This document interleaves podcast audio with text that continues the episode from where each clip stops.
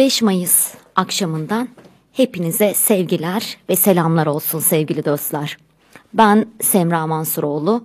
Kalemden Düşenler programında bugün yine Perşembe akşamında karşınızdayım. Harika bir İzmir akşamından sesleniyorum size. Hava mis gibi. İnsanlar sokaklarda. Kimisi almış başını dolaşıyor. Kimisinin başında kavak yerleri, kimisinin başında dertler, kimisinin başında sevdalar. Ama hepsinden önemlisi bir koşturmaca, bir telaş, bir yaşam, bir kayboluş, bazen bir buluş. Tüm bunların hepsinde insan kokusu var. Bugün sizlere bu insanı bize en iyi anlatan şey nedir desek herhalde büyülü kelimelerdir deriz. Ben hep öyle söylerim. Kelimeler hakikaten büyülüdür. O büyülü kelimeler kimisinin dilinde ses olur, akar. Kimisinde ses olamaz ama işaretlerle bize kendini gösterir. Bugün bu güzelliklerle birlikte olacağız. Bu güzelliklerde biliyorsunuz değişen, yenilenen, evrilen dünyada sürekli sürekli yeni kelimeler katılıyor literatürümüze. Çünkü insanoğlu gelişiyor. Dijital dünya, online dünya, bilim dünyası gelişiyor, duygu dünyası yenileniyor. Yaşanılanlar, evet hayat bazen tekerrür ediyor ama bu tekerrür etme durumunun içerisinde bile o kadar farklı durumlar meydana geliyor ki çünkü insanoğlu her geçen gün yeni şeyler keşfediyor. Bu keşfettiklerinin içinde de ne yapıyor? Hep bunları yeni sözcüklerle dile getiriyor.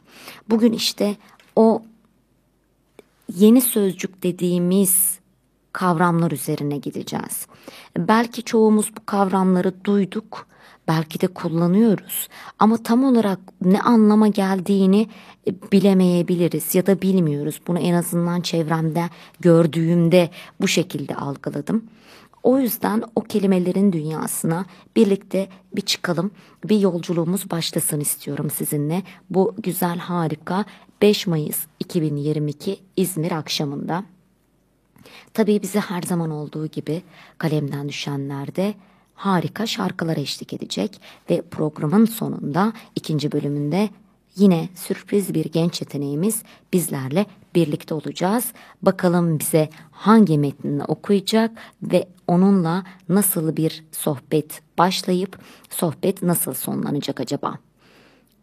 Kelimelerle yolculuğumuz başlayacak ve yolculuğumuz şarkılarla kol kola ilerleyecek. İlk şarkımız kimden gelsin? Teoman'dan gelsin. Teoman kelimeler desin. İzmir'in en net radyosu On Net Radyo.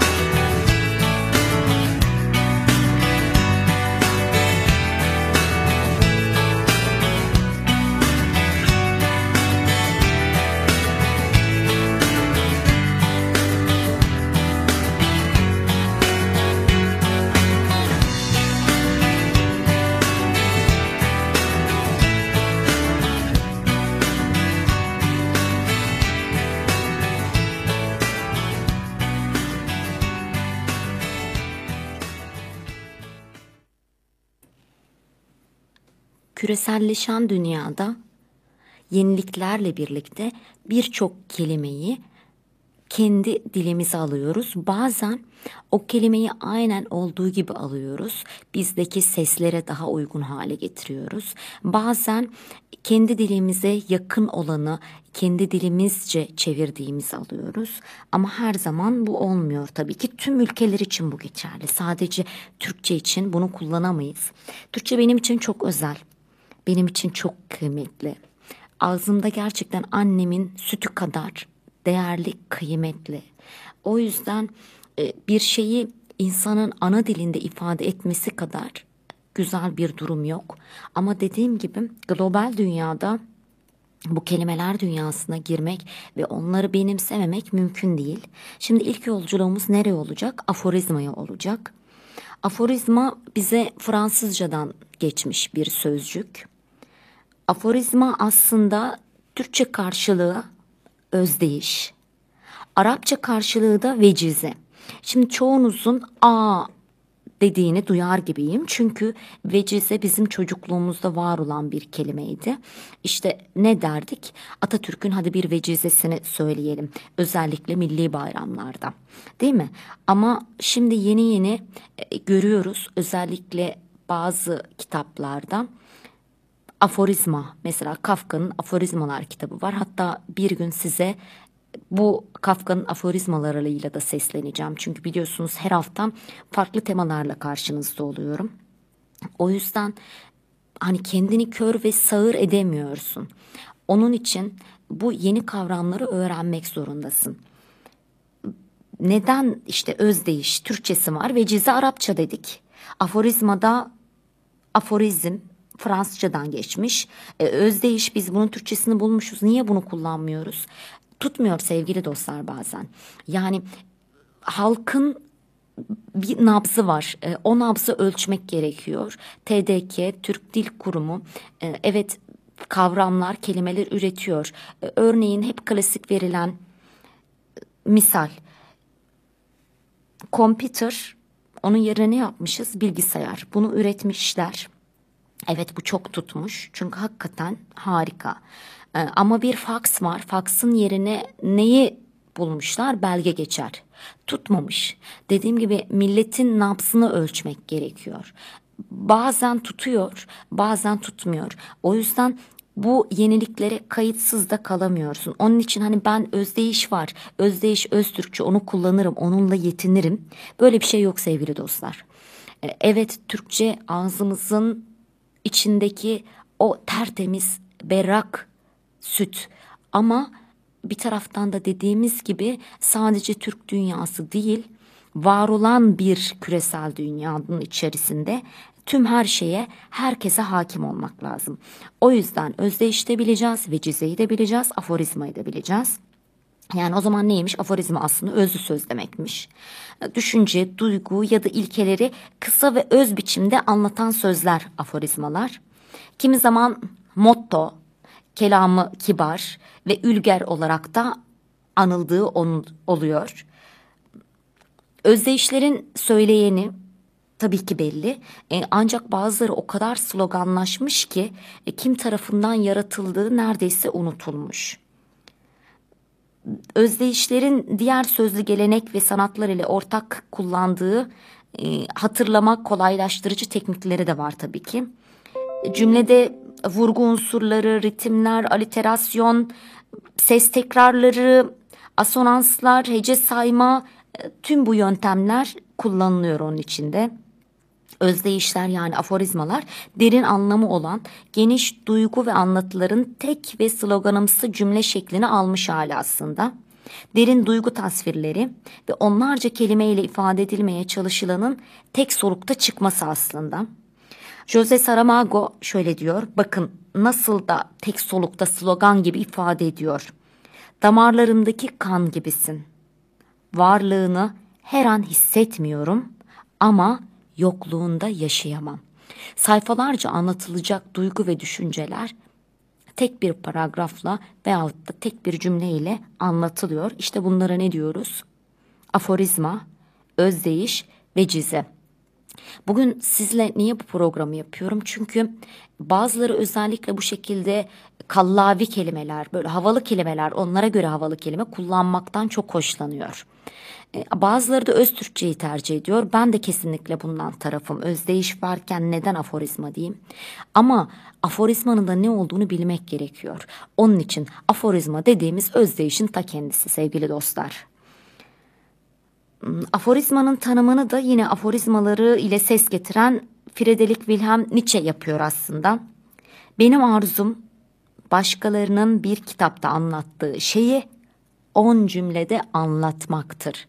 Belki de ilk aforizma kelimesi onunla birlikte çıkıyor, tanımını o yapıyor. Aforizma bir form olarak neredeyse bütün disiplinlerle dirsek temasında bulunuyor. Schopenhauer, Nietzsche, kimi zaman felsefi, kimi zaman şiirsel, kimi zaman da edebi yönü baskın olan aforizmalar yazıyorlar. Hatta dediğim gibi Kafka'nın Aforizmalar diye bir kitabı var. İlerleyen haftalardaki temalarımızdan birisi de bu olacak. O zaman bugüne de atıfta bulunmuş olacağız. Aa böyle bir şey varmış diye hatırlayacağız. Lichtenberg ise yer yer bir düşünür edasıyla tespitler ortaya koyuyor. Ee, ama aforizmalarının büyük bir bölümünü de eğitimle ilgili temalar oluşturuyor. Bizde Mustafa Kemal Atatürk'ün özellikle milli bayramlarda hep bu şekilde özdeyişlerini, diğer adıyla vecizelerini, diğer adıyla aforizmalarını dile getiriyoruz. Çünkü hakikaten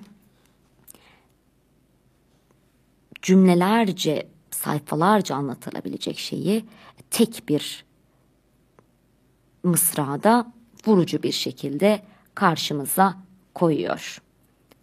Ne diyor? Öğretmenler, yeni nesil sizin eseriniz olacaktır. Bunun üzerine daha ne söylenebilir ki? Bunun gibi onlarca, yüzlerce, binlerce aforizması var kendinin. Evet, aforizmadan sonra hemen yine bir şarkı arası verelim. Kelimeler kafi gelsin. Masar Fuat Özkan'dan.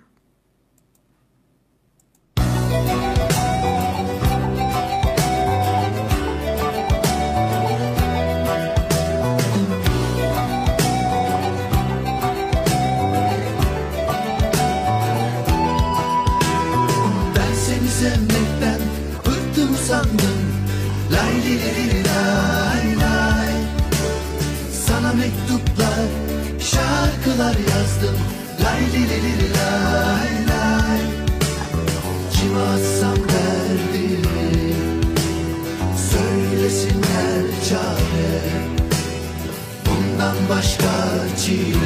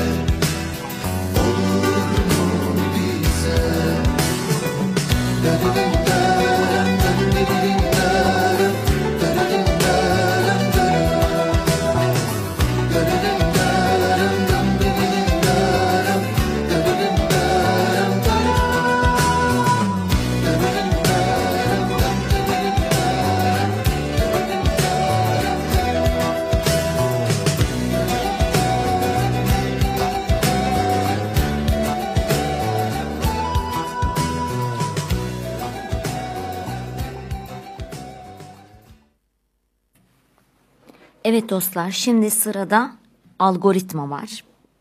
Algoritmayı da mutlaka duymuşsunuzdur. Algoritma da bize yine Fransızcadan geçme bir sözcük. TDK'ye baktığımızda TDK tanımını şu şekilde yapıyor algoritmanın. Orta çağda ondalık sayı sistemine göre son zamanlarda ise iyi tanımlanmış kuralların ve işlemlerin adım adım uygulanmasıyla bir sorunun giderilmesi veya sonuca en hızlı biçimde ulaşılması işlemi Harezmi yolu. TDK bu şekilde tanımlıyor ve algoritmayı bir matematik terimi olarak bir isim olarak alıyor.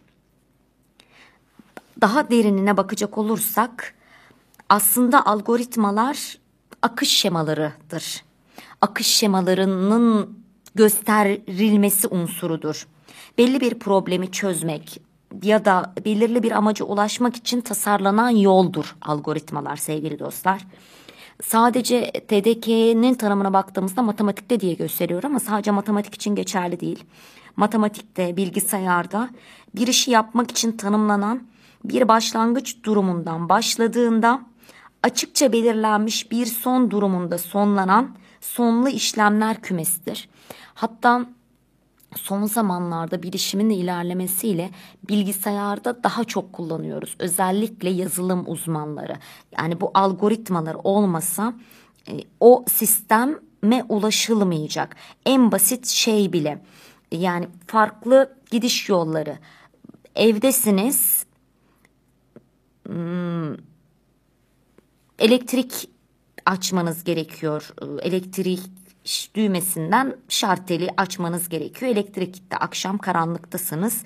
Bunun için size algoritmik olarak bunu sıralarsanız önce algoritma der ki işte siz şarteli açtınız mı?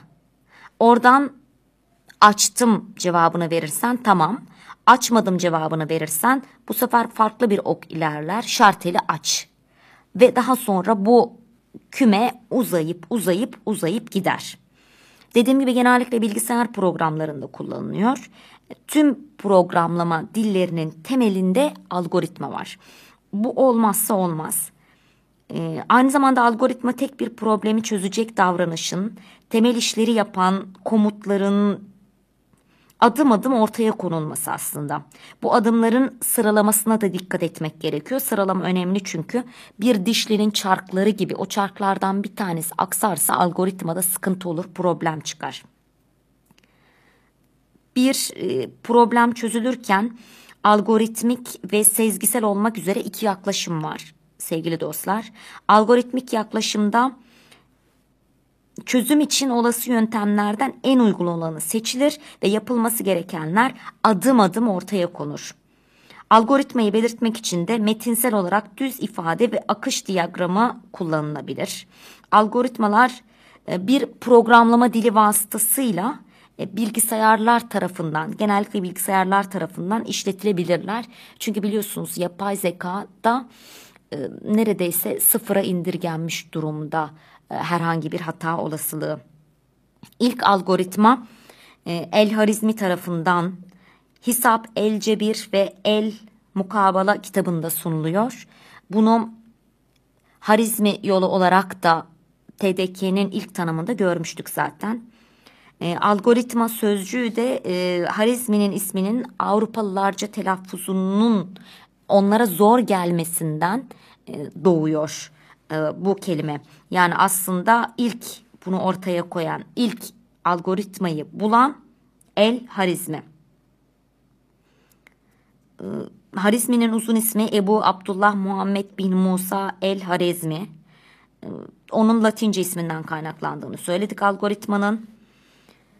E, Harezmi Özbekistan'ın Harezm bölgesinde bugünkü Türkmenistan sınırlarında doğuyor. O yüzden ismi Harezmi zaten doğduğu şehirden alıyor ismini. 9. yüzyılda cebir alanındaki algoritmik çalışmalarını kitaba döküyor. Matematiğe çok büyük katkı sağlıyor ve Avrupalılar bundan çok etkileniyorlar. Hmm, algorizm sözcüğünü e, Harezmi'nin adı olarak düşünüyorlar ve Arap sayıları kullanarak e, aritmatik problemler çözme kuralları manasında kullanıyorlar bunu. ve bu sözcük kullanıla kullanıla daha sonra da algoritmaya dönüşüyor. Dediğim gibi çoğu algoritmalar bilgisayar olarak e, kullanılmak, bilgisayarda uygulanmak üzere tasarlanıyor. Başka yöntemlerle uygulananlar da var. Ee, örneğin insan beyninin hesap yapması, yani biyolojik sinir ağı bu da bir algoritmaya dayanıyor bir sistem içerisinde. E, veyahut da bir karıncanın çıkıp e, yiyecek araması bir sistemli bir şekilde e, o ana kraliçe arının komutlarına uyması e, ya da bütün elektrik devreleri hepsinde bir algoritma var ya da bütün mekanik cihazlarda e, bunların hepsi bir algoritma sistemine göre dayanıyor. E, o yüzden e, algoritmalar aslında olmazsa olmaz hayatımızda. Özellikle şimdi düşündüğümüzde herkesin elinde birer bilgisayar varken nasıl herkesin elinde birer bilgisayar var? Herkesin elinde birer telefon var çünkü. O her bir telefonda aynı zamanda minik bir bilgisayar, minik bir bilgi kutusu aslında. Çünkü artık bilgisayarda yapabildiğimiz her şeyi de nerede yapabiliyoruz? O telefonlarda yapabiliyoruz. O yüzden algoritmalar hayatımızı kolaylaştırmak için var olan komutlar. Hatta bazı bilgisayar algoritmalarına baktığımızda çok komik gelebilir. Aa bu kadar da mı? Yani bunu da mı yazıyor? Her şeyi sağa dön, sola dön, en ince ayrıntısına kadar yapılacak her şeyin o komutlaştırılması, o seri dizi olayına ne diyormuşuz? Algoritma diyormuşuz. Evet, arkasından bize bu kelimemizden sonra kim seslensin? Hümeyra seslensin ve kelimelerindesin.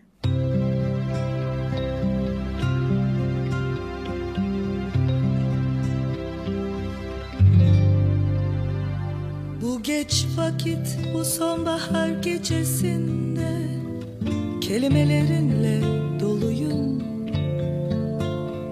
Zaman gibi, madde gibi, ebedi Göz gibi çıplak El gibi yar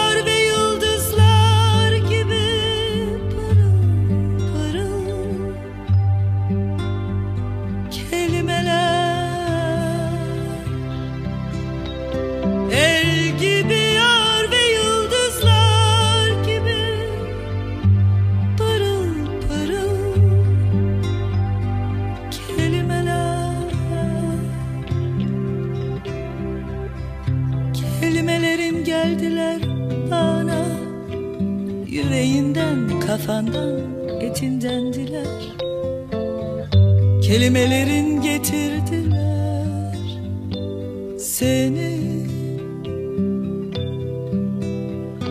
Onlar ana, onlar kadın ve yoldaş olan mahsundular, acıydılar, sevinçli, umutlu, kahramandılar.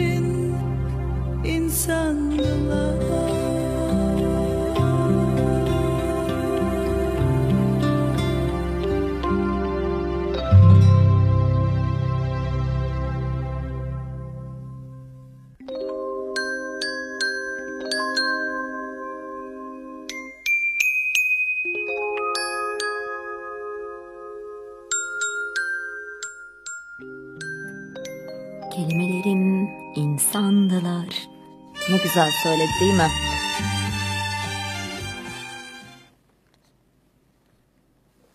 Evet şimdi sırada ne var? Anafor. Anafor da dilimize Rumcadan geçmiş bir sözcük. Deniz ya da ırmak sularının bir eksen çevresinde dönme hareketini ifade ediyor. Diğer bir adıyla girdap. Denizlerdeki anaforların nedeni genellikle ters yönlü gelgit dalgalarının, akıntıların ya da rüzgarların karşılaşması oluyor. Irmaklarda da meydana geliyor sadece denizlerde değil. Irmaklarda da kıyının çıkıntı yaparak suya dairesel bir dönme hareketi verdiği yerlerde küçük anaforlar görülebiliyor. Bir anaforda sular dairesel hareketler çiziyor. En ünlü anaforlardan birisi ise Norveç açıklarındaki anafor. Odise destanında da denizin sularını yutup kusan deniz canavarı Krabis de çoğu zaman bir anafor diğer adıyla bir girdap olarak biliniyor sevgili dostlar. Hemen anafordan analojiye geçelim. Analoji, analoji dediğimizde iki farklı şey arasındaki benzerlik ve bu benzerliklerden hareket edilerek birincisi için dile getirilenlerin ikincisi için de söz konusu olduğunu ifade etme durumu aslında analoji. Yani bir nevi çıkarımda bulunmak.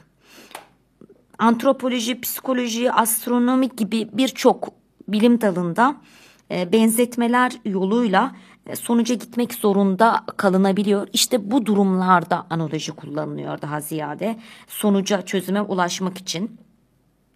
Ulaşılan sonuçlarda gözlem ve deneylerle kanıtlanmaya çalışılıyor. Ee, analojide tabii ki ne var? Benzetme var, ilişki var, muhakeme gücü var. Ee, basit bir dille açıklanılmaya çalışılıyor gerçeklikler. Yani e, anlatılmak istenen iki şey var. E, birisi daha zor anlaşılacak, onu daha kolay şekilde anlatmaya çalışıyoruz. Soyutlanmış ifadeler yerine üst düzey ilişkilerin kullanılarak yapıldığı planlamalar tercih ediliyor. Analojilerde. Bir örnek verelim hemen e, analojiye.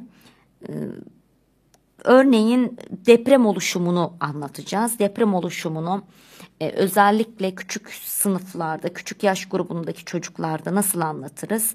Bunu yaydaki gerilimin boşalması şeklinde ifade edebiliriz. E, nasıl yani? Bizim hedef kavramımız ne? Şimdi deprem. E, benzer kavramımız ok ve yay. Ok ve yayı rahatlıkla bulabiliriz. E, ve e, hedef ve benzer kavram ile açıklayıcı tanımlamanın yapılmasını sağlayacak olan ortamda neresi? Toprak ve ip. Benzerliğin ortaya çıktığı durumsa enerji durumu. E, sonuçta da toprakta oluşan gerilim enerjisinin ortaya çıkmasıyla benzerliği ortaya koymuş olacağız. Şimdi bunu nasıl yapacağız? Depremi neye benzettik? Ok ve yaya benzettik. Bizim fay hattımız ne olsun? Yayımız olsun. Fay hattı da yay gibi gerginleşiyor. Toprak ne olsun? Yayın ipi olsun. Gerilim, o gerilim enerjisi de ok olsun. Bu şekilde bunu göstererek e, anlatabiliriz.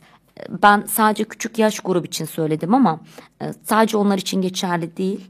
Tüm herkes için daha kolay anlaşılması adına özellikle zor anlaşılabilecek durumlarda analoji hemen imdadımıza yetişiyor.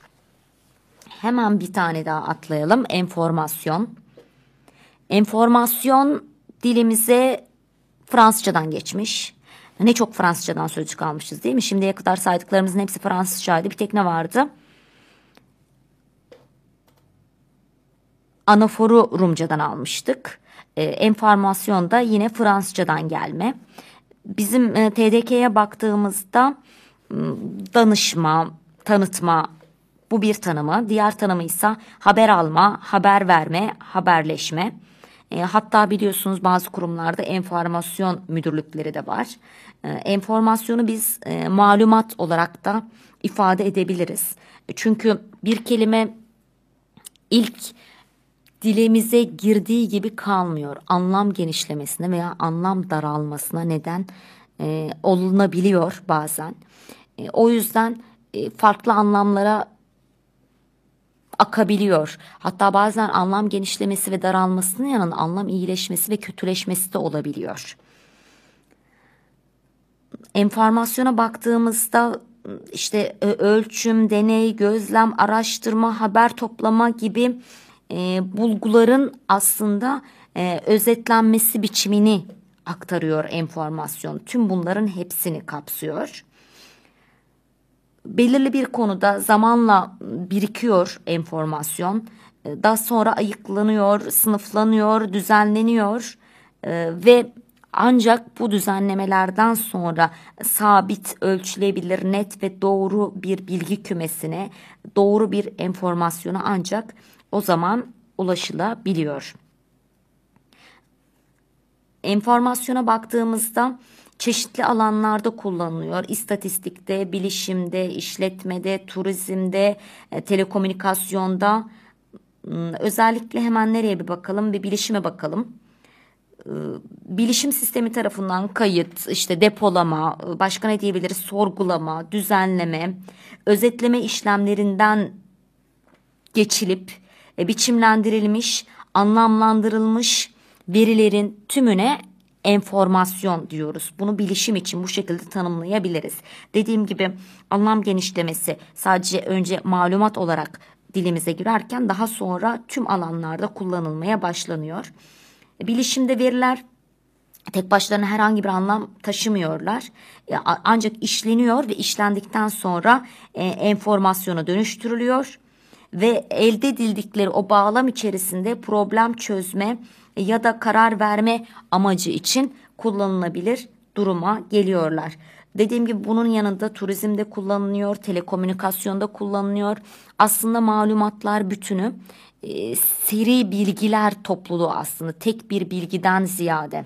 Özellikle istatistiğe baktığımızda e, popülasyona ilişkin olarak toplanmış bütün veriler e, bunların sayısal ya da görsel olarak sunulmuş özetleri tüm bunları hepsini kapsıyor, enformasyonu kapsıyor. İşte parametreler istatistikte çok önemli zaten. E, bu parametreler istatistikte enformasyonu teşkil ediyor. E, bu işte popülasyonun da anlaşılmasına, betimlenmesine, e, betimlenmesini sağlıyor.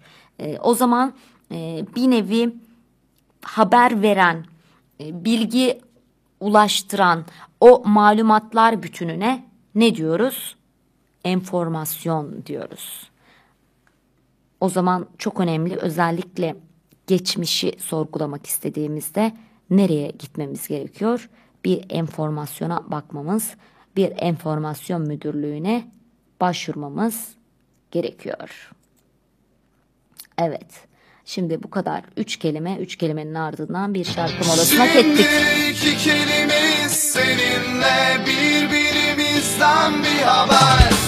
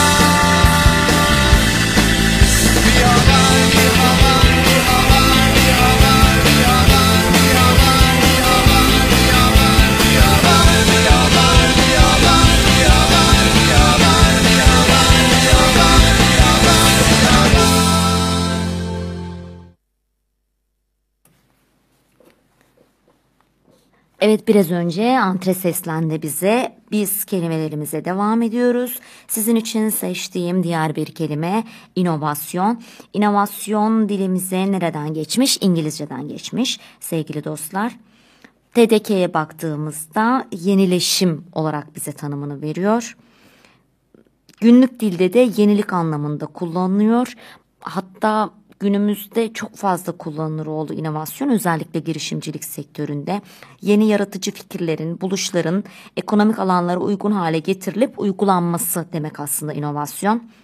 Diğer bir tanımla da gözle görülür, açık ihtiyaçların çözümüne yönelik sunulmuş yaratıcı çözümler süreci. Tüm bu sürece de inovasyon diyoruz aslında. Hmm, inovasyonun tanımı konusunda uluslararası düzeyde e, farklı yaklaşımlar da var aslında. E, işte Oslo kılavuzunu kabul ediyor kimileri. E, kılavuz halen yürürlükte tabii ki.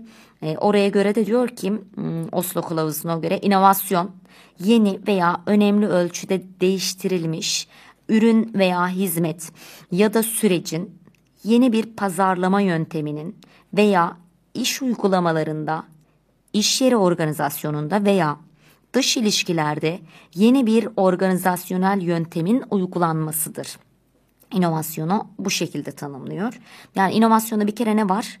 Yeni fikirler var. Yeni fikirlerde ne var? Ürün var, metotlar var, hizmetler var.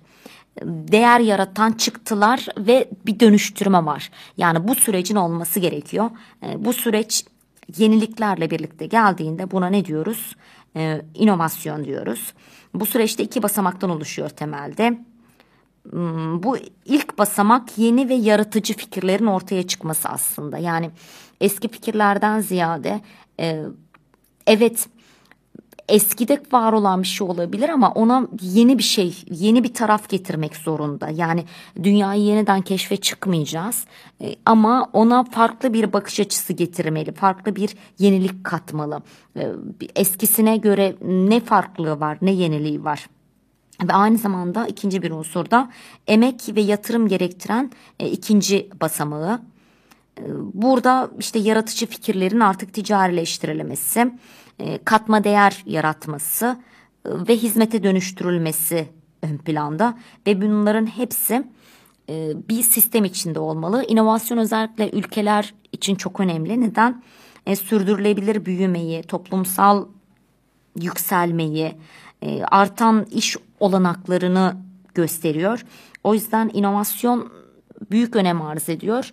Ee, özellikle işletme sektörüne baktığımızda ve gençlere e, girişimcilik ruhu için inovasyon şart. Evet inovasyondan hemen geçiyoruz sizin için diğer seçtiğim kelimeye. Metafor. Metaforu biz nereden almışız? Metaforu Fransızcadan almışız sevgili dostlar.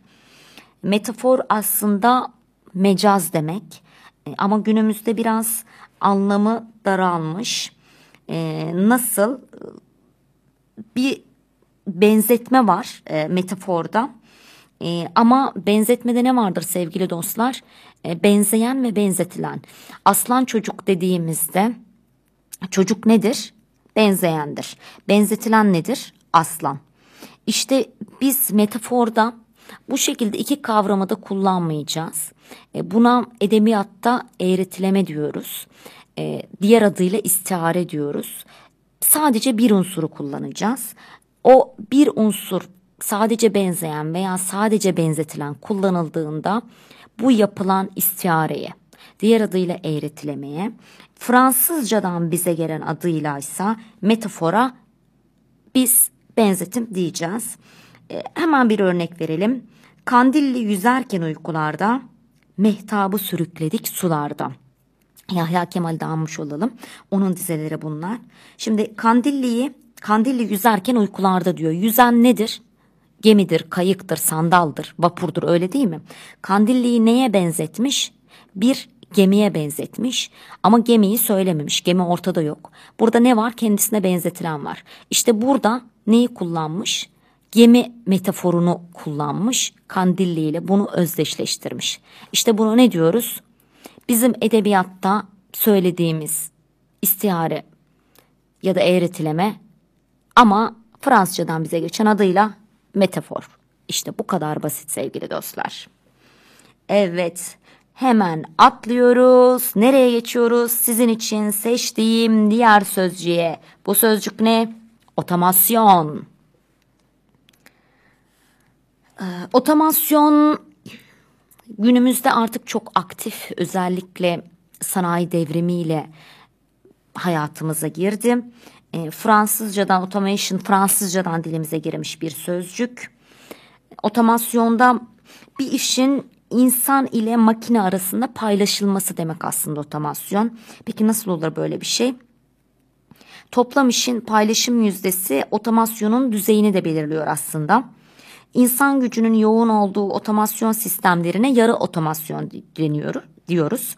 Makinenin yoğun olduğu sistemlere de tam otomasyon diyoruz. Çünkü nasıl insanla makine bir arada o makineyi de çalıştıracak olan bir insan. Tamamen makine olsa bile fabrikanın koskoca bir bina metrekareler üzerine kurulmuş ama sonuçta o bir düğmeye basılacak olsa da o düğmeye basacak olan kim? İnsan. O yüzden insanla makine arasında işin paylaşılması diyoruz.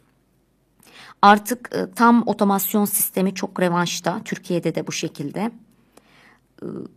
E, tüm dünyanın açık bir pazar haline gelmesiyle rekabetçi koşullarda üretimi işte hem hızlı hem standart hem de güvenli hale getirmek için e, bu sisteme geçiriliyor. Özellikle işte sanayi devriminden sonra gelişen olanaklarla birlikte endüstride bina, bu neredeyse zorunlu hale geliyor.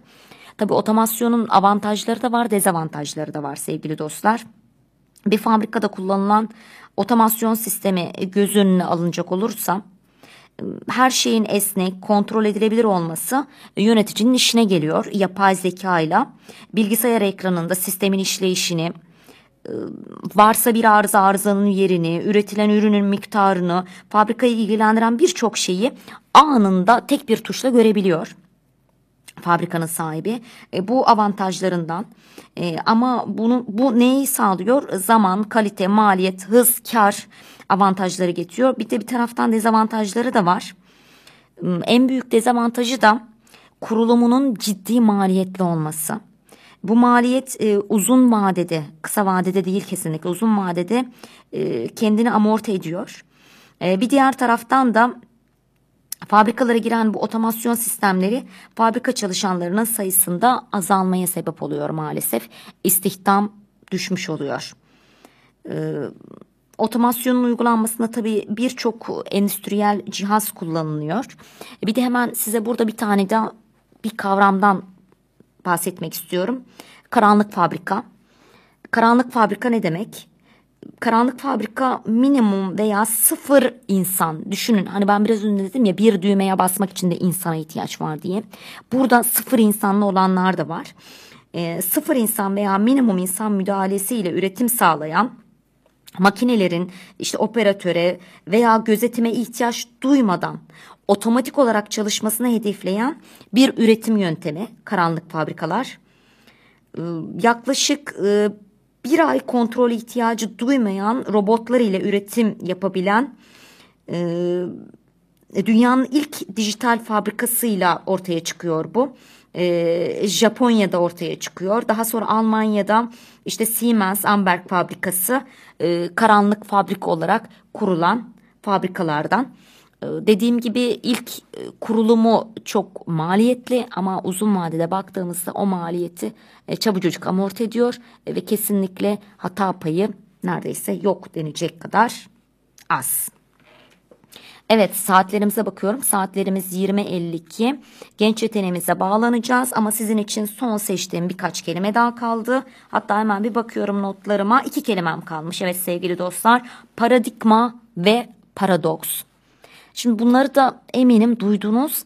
Hatta belki kullanıyorsunuz ama acaba doğru mu kullanıyoruz? Nerede kullanıyoruz? Yerli yerinde ya da kullanıldığında tam olarak ne çağrıştırdığını anlayabiliyor muyuz? Ee, paradigma bize nereden geçmiş? Fransızcadan. Ne çok Fransızcadan geçen sözcük gördük bugün diye öyle değil mi? TDK'ye baktığımızda değerler dizisi, dizi örnek olarak e, tanımlanıyor paradigma. E, biz içeriğine hemen girdiğimizde e, paradigmada özellikle bunu nerede görüyoruz? Bilimde görüyoruz. E, 1960'lardan beri var olan bir kelime. E, özellikle bilimsel disiplinlere e, girmiş e, bir sözcük. E, dil bilimde de kullanılıyor. Hmm, Yunanca'dan popülerliğini almış bir kavram.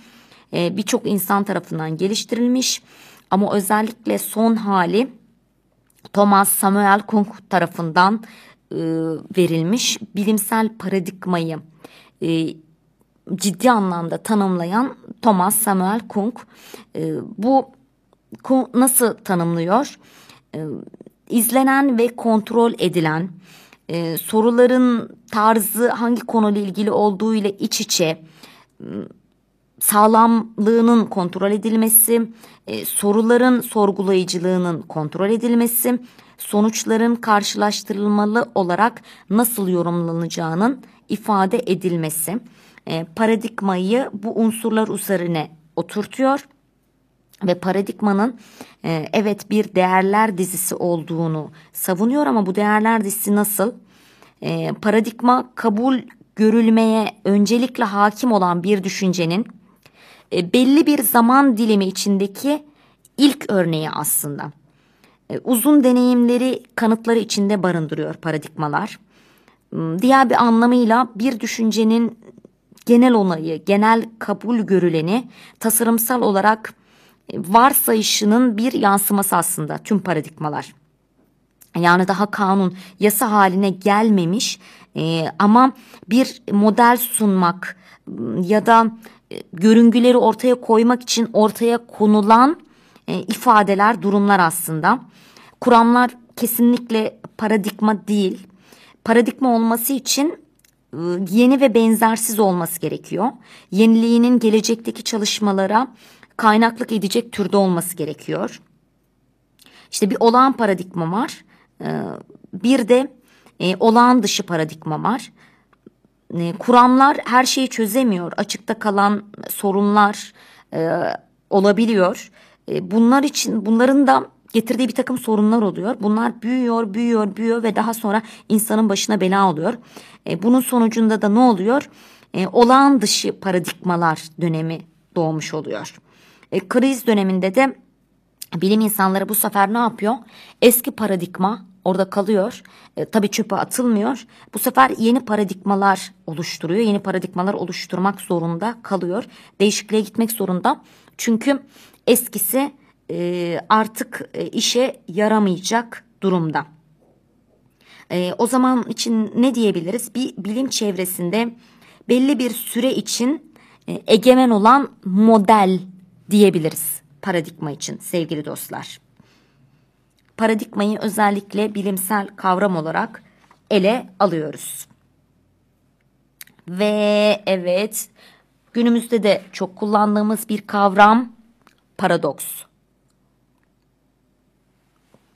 Hemen bir yudum su aldım ve size son kelimemiz paradoksla sesleneceğim. Paradoksa bastığımızda paradoksun bize Fransızcadan geçtiğini görüyoruz yine.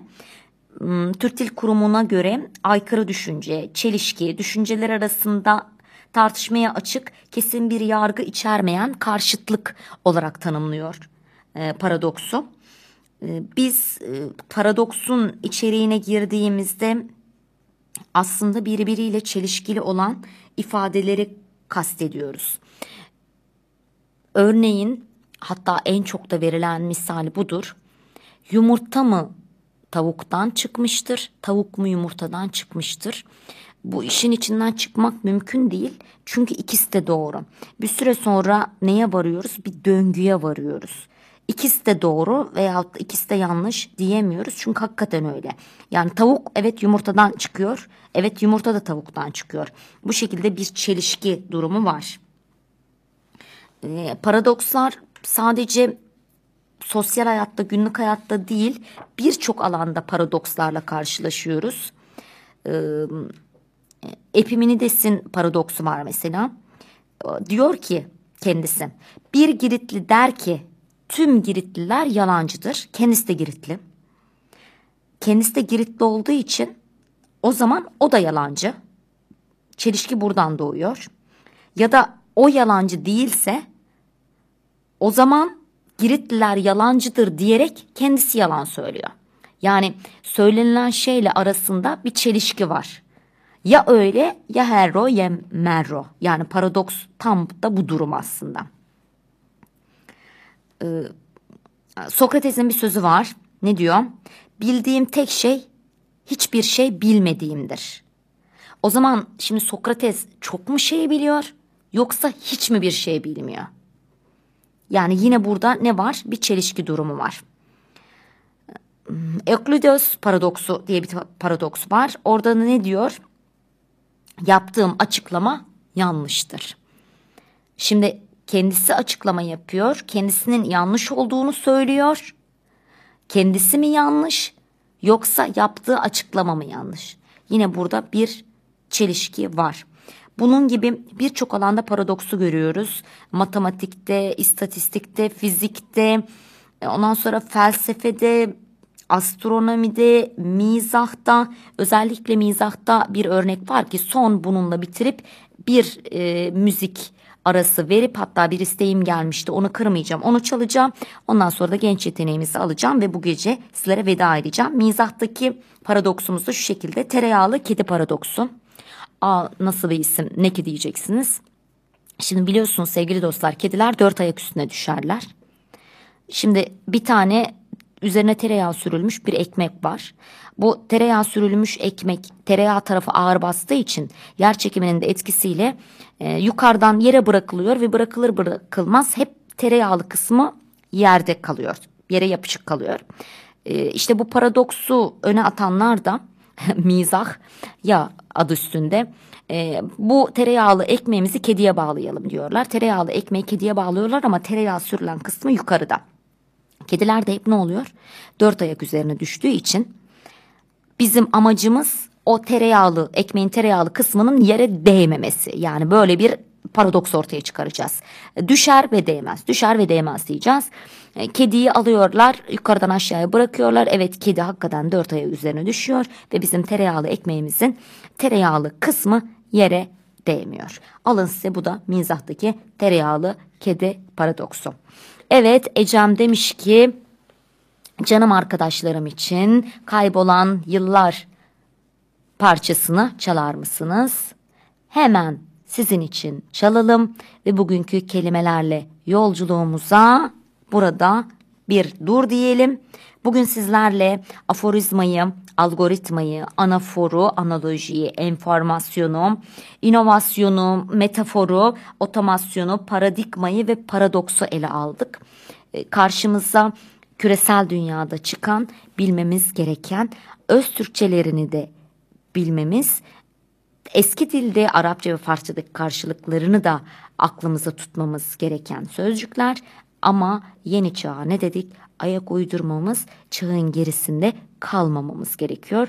O yüzden bunları bilmemiz bizim artı cebimizde her zaman bir cevher olarak saklı kalacak.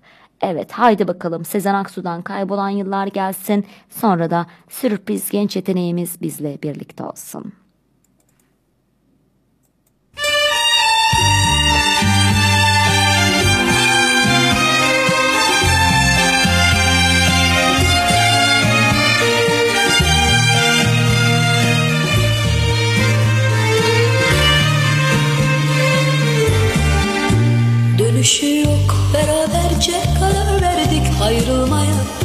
Alışmalı arkadaşça yolları ayırmaya. Şimdi artık gözyaşları gereksiz akmamalı.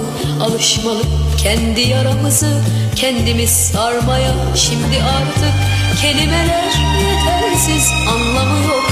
Yitirmişiz anılarla beraber faydası yok. Gel bunları bırakalım artık bir tarafa Gerçeği görmeliyiz dostum başka çaresi yok. Şimdi bana kaybolan yıllarımı verseler Şimdi bana seninle bir ömür vaat etseler? Şimdi bana yeniden Tek bir söz bile söylemeye hakkım yok. Şimdi bana kaybolan yıllarımı verseler Şimdi bana seninle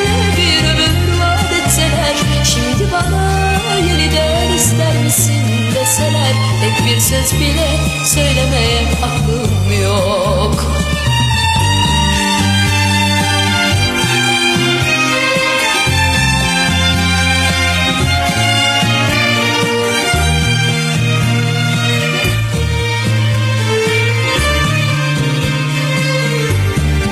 Şimdi artık kelimeler yetersiz Anlamı yok yitirmişiz Anılarla beraber faydası yok Gel bunları bırakalım. Artık bir tarafa Gerçeği görmeliyiz dostum başka çaresi yok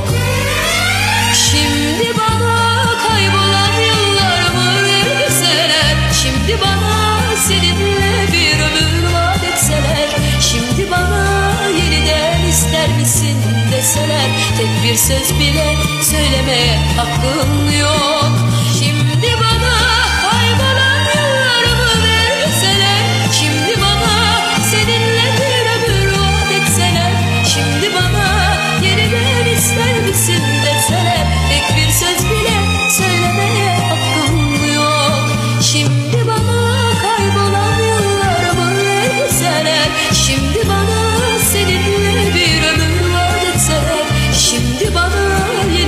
ister misin deseler Tek bir söz bile söylemeye hakkım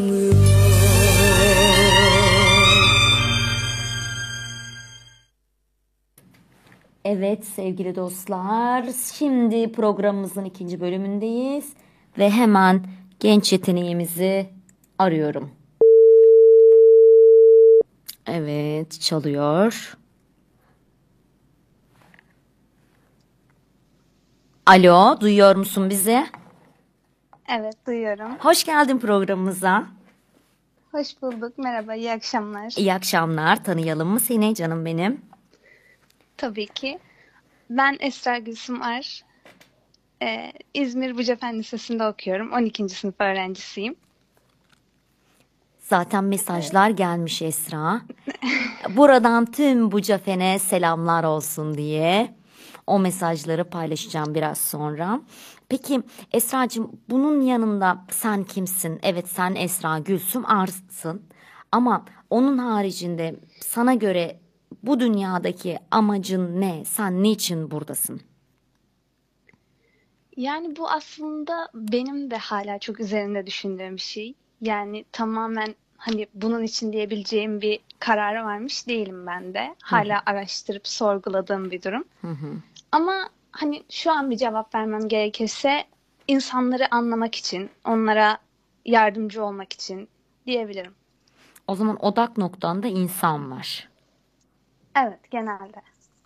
Ben seni tanıdım tanıyalı hep öyleydi Esra. Yani hep böyle kucak açan bir tavrım vardı. Hep bir samimi. Ee, Nerede böyle hani dertli birisini görsen, e, üzgün birisini görsen hani acaba nesi var? Yardımcı olabilir miyim? Yardım edebilir miyim? Öyle bir tarafın vardı. Ee, Hep de o gidiyor galiba. Bu hani aileden gelen bir şey mi sence? Nasıl bu yönün yontuldu? Çünkü herkes birileri için bir şeyler yapmak ister. Yanında birisi ağlıyorsa mutlaka ona bir yardımcı olmak istersin. Ama senin özel böyle bir empati yeteneğin var. Bunu nereden aldığını düşünüyorsun Esra? Yani tabii ki hani her insanın üstünde yetiştirilme tarzı ya da ailesinden ona kalan şeyler her zaman çok etkili. Bana da ailemden mutlaka kalmıştır. Aynı şekilde hani belki benim de fıtrat olarak da buna yatkın olmam daha da belirgin hale gelmesini sağlamış olabilir. Peki o zaman hep böyle karşına güzel insanlar çıksın. Sen de o insanlara böyle yol gösterici olabil. Onu temenni edelim. Ee, İnşallah. Senin metnine geçelim ve daha sonra metin üzerinden ilerleyelim. Sen hazır olduğunda biz hazırız, heyecanla bekliyoruz. Tamam. Gözyaşının kavuşması. Bir sonbahar akşamı üstüme çiselerken yağmur, deniz hırçın dalgalarını vururken yüzüme yüzüme, Esen rüzgar savrulan saçlarımı birbirine doluyor. Ağaçlar dallarındaki renksiz, kuru yapraklardan kurtulup bomboş gövdelerini seriyor gözler önüne. Kafamdaki düşüncelerin kavgası gökyüzüne yansıyor. Bulutlar birbirine giriyor ve dökülüyor gözlerinden damlalar. Yüzümü göğe çevirip kucaklıyorum gözyaşlarını. Ve sonra karışıyor gözyaşları gözyaşlarıma. Bir koşuşturmaca sarıyor herkesi. Kimse aldırmıyor bulutların yaşlarına. Aksine herkes kaçıyor üzüntülerini paylaşmaktan. Daha da içleniyor sanki bulut. Damlalar hızlanıyor. Sonra bir hıçkırık kaçıyor dudaklarından. Gök gürlüyor. Açıyorum kollarımı. Gökyüzünü kucaklıyorum. Gözlerim kapalı da olsa hissediyorum. Yanımdan geçenlerin garipseyen bakışlarını. Önemsemiyorum. Çünkü bakıyor ama görmüyorlar. Yağmurun gizlediği gözyaşlarımı. Yüreğine sağlık, kalemine sağlık. Nasıl da kendini özdeşleştirmişsin. Tam da böyle biraz önce kelimelerden bahsettik. O kullandığın metaforlar. Bunu hangi ruh haliyle yazdın Esra? Bu aslında çok önce yazdığım bir şey. Neredeyse 2019 sanırım. Yani çok eski. Tam olarak hatırlamasam da hep hani duyguyla yola çıktığım için bir şeyler yazarken muhtemelen e, çok da hani iyi bir haldeyken yazmamışım muhtemelen. Ama e, bir şekilde hani bu bir rahatlama yolu olduğu için benim için hani o anki duygumu direkt bu şekilde yansıtmışım. Gökyüzünün ağladığını söylüyorsun ve e, gökyüzüyle senin gözyaşlarının e, birbirine karıştığını ve kucaklaştığınızı e, aslında hiç kimsenin umursamadığını sen aslında kişiliğini de yansıtmışsın yine Esra buraya. Yani hani hep dedin ya insanları anlamaya, onlara yardımcı olmaya çalışıyorum, çabalıyorum diye. E burada da yine hani başkalarının görmediği o gökyüzünü e, önemsemeyip belki başını hiç kaldırmadan bir koşturmaca, bir telaş içerisinde yürüyüp gittiği zamanlarda sen gökyüzüne bakıyorsun e, ve onun yağmur damlalarını gözyaşına benzetiyorsun ve kendi gözyaşınla karıştığını söylüyorsun. Tabii e, yazılan ruh hali bambaşkadır. E, şu an kendin okuduğunda eminim yine bambaşka ruh haline girmişsindir.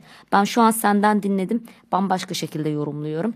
Belki beş gün sonra bana bunu okusan yine o anki ruh halimle yorumlayacağım. Ama bana e, metaforların e, gayet güzel ve yerli yerinde geldi. E, o özellikle birbirinizi kucaklamanız ve kucaklaşmanız e, orası gerçekten takdire şayandı. E, ağzına yüreğine sağlık. Teşekkür ederim. Biz teşekkür ediyoruz. Benden sana hemen kocaman bir alkış gelsin. Ve hemen ben sana sorayım. Sen niçin yazarsın Esra? Yazma amacın ne? Ya yani yazmak aslında hani e, bazı hani insanların kendini ifade etme şekli aslında hep farklı oluyor. Hani kimisi sözlü olarak çok ifade ediyor, kimisi bu şekilde yazarak ya da başka şekillerde. Ben aslında hani siz tabii tanıyorsunuz daha çok hani sözlü olarak da kendimi gayet ifade eden bir insanım. Ama hani bir şekilde bu beni çok rahatlatıyor her zaman. Yani yazmak hani kafamda kendi içimde cevap bulmam gereken soruları yazarak kendi kendime cevaplayabiliyorum. O yüzden hani bir de çok uzun zamandır benim hayatımda hani kendimi bildim bileli bir eğilimim var zaten. Hani Evet. Belki ikinci sınıftan, üçüncü sınıftan beri işte şiir defterlerim ya da işte bilsem de yazdığım yazılar her zaman bir hani bu şekilde anlatmak için kendime bir eğilimim oldu. Böyle de devam ediyor. Peki bazıları yazmak istiyor ama cesaret edemiyor buna. Sen onlar için ne diyeceksin? Yani yazmaya nasıl başlamalılar? Nasıl cesaret etmeliler? Yazmada güzel şudur diye bir tanım var mı? Yani içlerinden geldiği gibi yeter ki yazsınlar mı? Ne önerirsin onlara, akranlarına? Bence bunun en güzel yanı zaten tam olarak bir doğrusunun olmaması. Yani kendimizi nasıl ifade etmek istiyorsak o şekilde bizim doğrumuz önemli. Yani biz kendimizin en iyi haline nasıl gelebiliriz o önemli. Dolayısıyla hani korkarak yaklaşmaya ya da birilerine yazdığımız bir şeyi beğendirmeye çalışmamıza gerek yok. herkes hani içinden nasıl geliyorsa zaten ne kadar içten yazarsak bence güzel olana o kadar yaklaşmış oluyoruz. O zaman samimiyet son nokta diyorsun. Yani kendini e, tamamen bırakarak aktarmak, başka bir şeylerin arkasına gizlenmemek, içten geldiği gibi yalın bir dille aktarmak e, insanı hem rahatlatacaktır e, hem de karşı tarafa o hisleri verecektir diyorsun o zaman. Evet, evet. Şimdi birkaç gelen mesaj var. O mesajları bir paylaşmak istiyorum hemen. Ecem yazmış üst üste mesajlar. Esra arkadaşım ne güzel okudun öyle emeğine sağlık diyor. Ondan önce işte bizim için yazmış. Teşekkür ediyoruz Ecem. Çok güzel ve yararlı bir program demiş. Ee, canım arkadaşım Esra e, ve Cemre için onlara selam ve sevgiler demiş. Sıla yazmış. Esra'nın şiirini bekliyoruz demiş sen çıkmadan önce. Cemre yazmış. O da güzeller güzeli Esra'yı bekliyoruz demiş. En son kim yazmış? Nilüfer Gülseven yazmış. Kuzeninden selamlar demiş. Neredeyse bizden de ona selamlar ve sevgiler olsun. Peki Esra'cığım sen senden büyüklere ya da senden küçüklere e, böyle buradan e, seslenerek vermek istediğin bir mesaj var mı? Çünkü senin çok duyarlı bir insan olduğunu biliyorum. E, Bizi e, burada sadece biz İzmir'den yayın yapıyoruz. İzmir'den yayın yapan bir int- internet radyosuyuz ancak e, yurt dışından e, da dinleyen, yurt içinden Türkiye'nin dört bir tarafından dinleyen sevgili dostlarımız var. Onlara ne demek istersin? Kendi akranlarına, büyüklere buradan vermek istediğin, iletmek istediğin bir mesaj var mıdır? Ee, Yani tabii ki çok söylenecek hani özellikle günümüzde çok fazla iyi dilek ve temenni var. Ama hani temel olarak şu anda hani iyilik dileyebilirim. İnsanlar insanların birbiriyle iyi niyet birbirine iyi niyetle yaklaşmasını, her zaman e, daha çözüm odaklı, daha e, birlik beraberlik duygusuyla beraber hareket edilmesini herkese hani tavsiye edebilirim ya da dileyebilirim.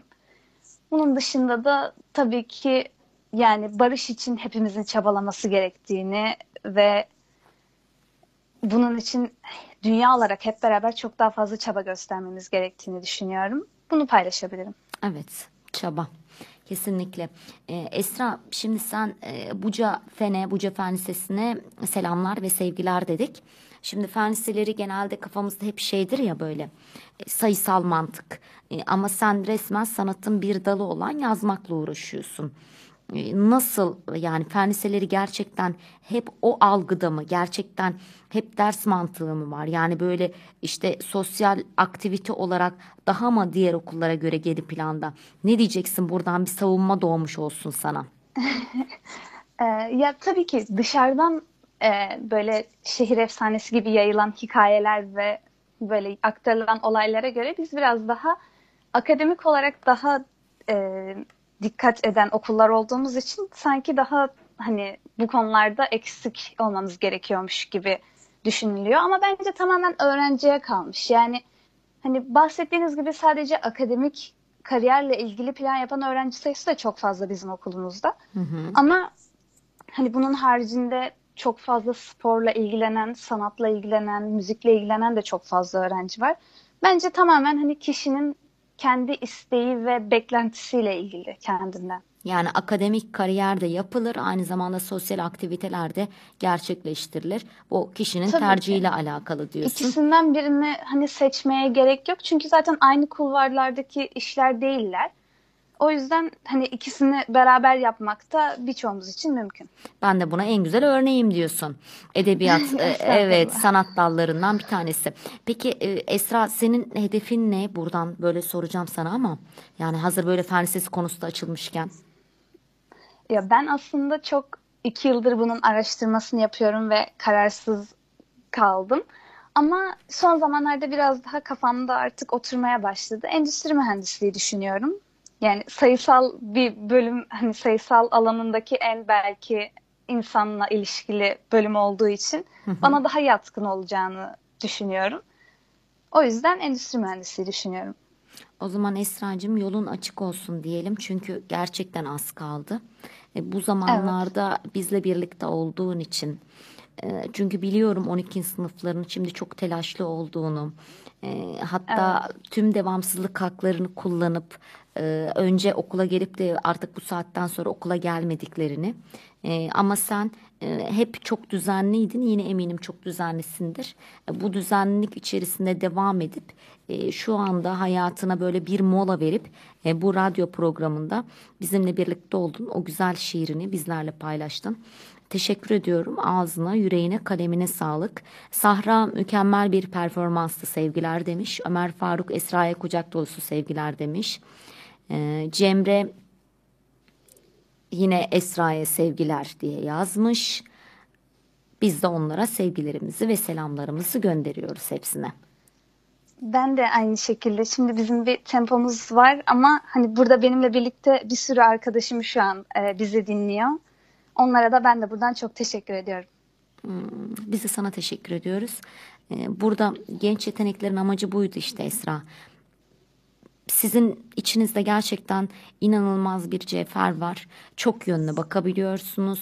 Yapmanız gereken çok şey var ama o çok şey içerisinde hem kendinize hem çevrenize zaman ayırıp objektif bir şekilde yönünüzü doğruya çevirebiliyorsunuz. Sözünüzü sakınmıyorsunuz.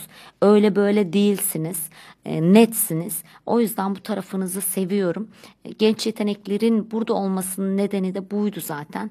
Sizin güzelliğiniz burada olsun. Sizin güzelliğinizle burası daha çok ışısın istedim. E, Sen de o genç yeteneklerden birisin. Gelecek haftada senin gibi diğer bir sürü genç yeteneği ağırlayacağım. Teşekkür ediyorum Esra'cığım. Son sözlerim varsa almak ve bugünkü programı kapatmak isterim. Ben çok teşekkür ederim beni davet ettiğiniz için. Böyle bir e, şeyi tatma fırsatım olduğu için size çok teşekkür ederim. Bu şekilde. Rica ediyorum. Ben dediğim gibi sizlerle gurur duyuyorum. Ee, Benim hayatta en çok sevdiğim, en çok değer verdiğim şey şu konuştuğumuz Türkçe. Ee, İletişimdeki inanılmaz bir gerçek ve bu Türkçe ile beraber gençlerimizin bir yere gelmeleri, kendilerine yön vermeleri ve asla sanattan eksik kalmamaları. E, Edebiyatta en güzel sanat dallarından birisi. Edebiyatı biz hep yanlış tanıdık şimdiye kadar. Edebiyat tarihi olarak algıladık. Evet edebiyat tarihi edebiyatın bir yönü. Ama bunun haricinde yazmak var, okumak var, dinlemek var, konuşmak var. Bunlar da tamamen edebiyatın bir parçası.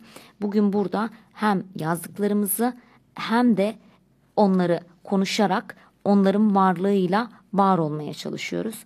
O yüzden ben sizlere teşekkür ediyorum. Senin nezdinde tüm gençlerimize ve ailene de seni yetiştirdikleri için selamlarımı ve sevgilerimi gönderiyorum. Sana kocaman sarılıyorum Esra'cığım. Teşekkür ediyorum. Ben de aynı şekilde. Hoşçakalın. İyi akşamlar. İyi akşamlar diliyorum canım.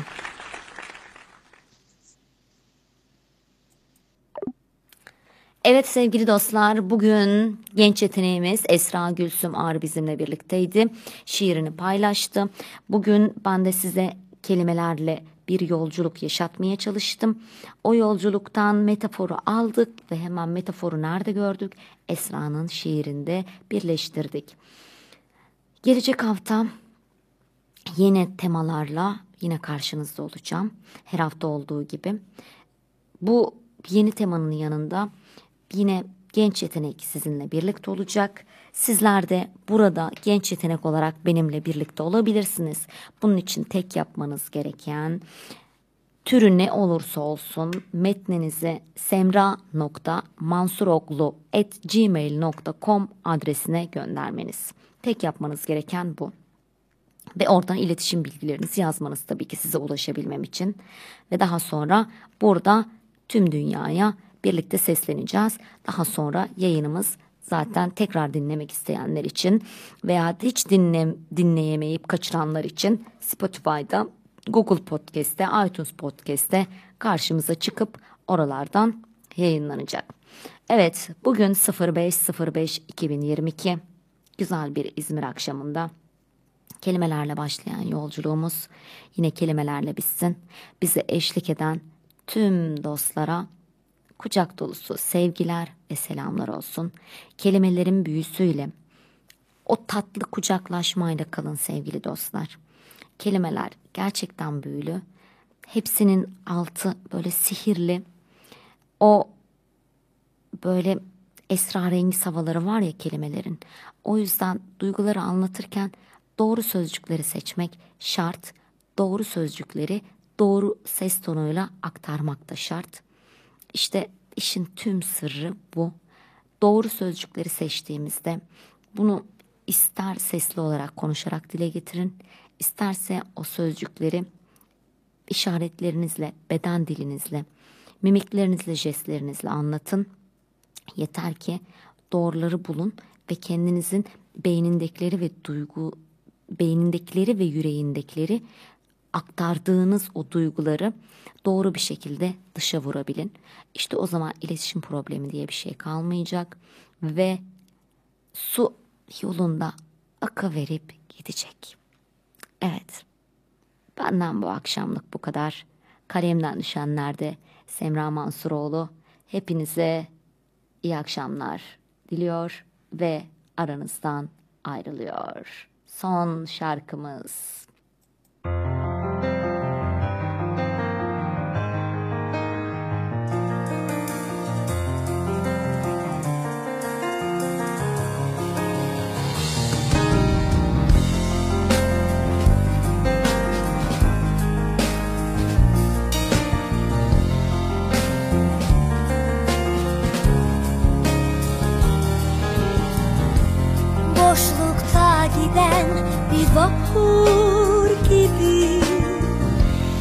Yoklukta yanan pervaneler gibi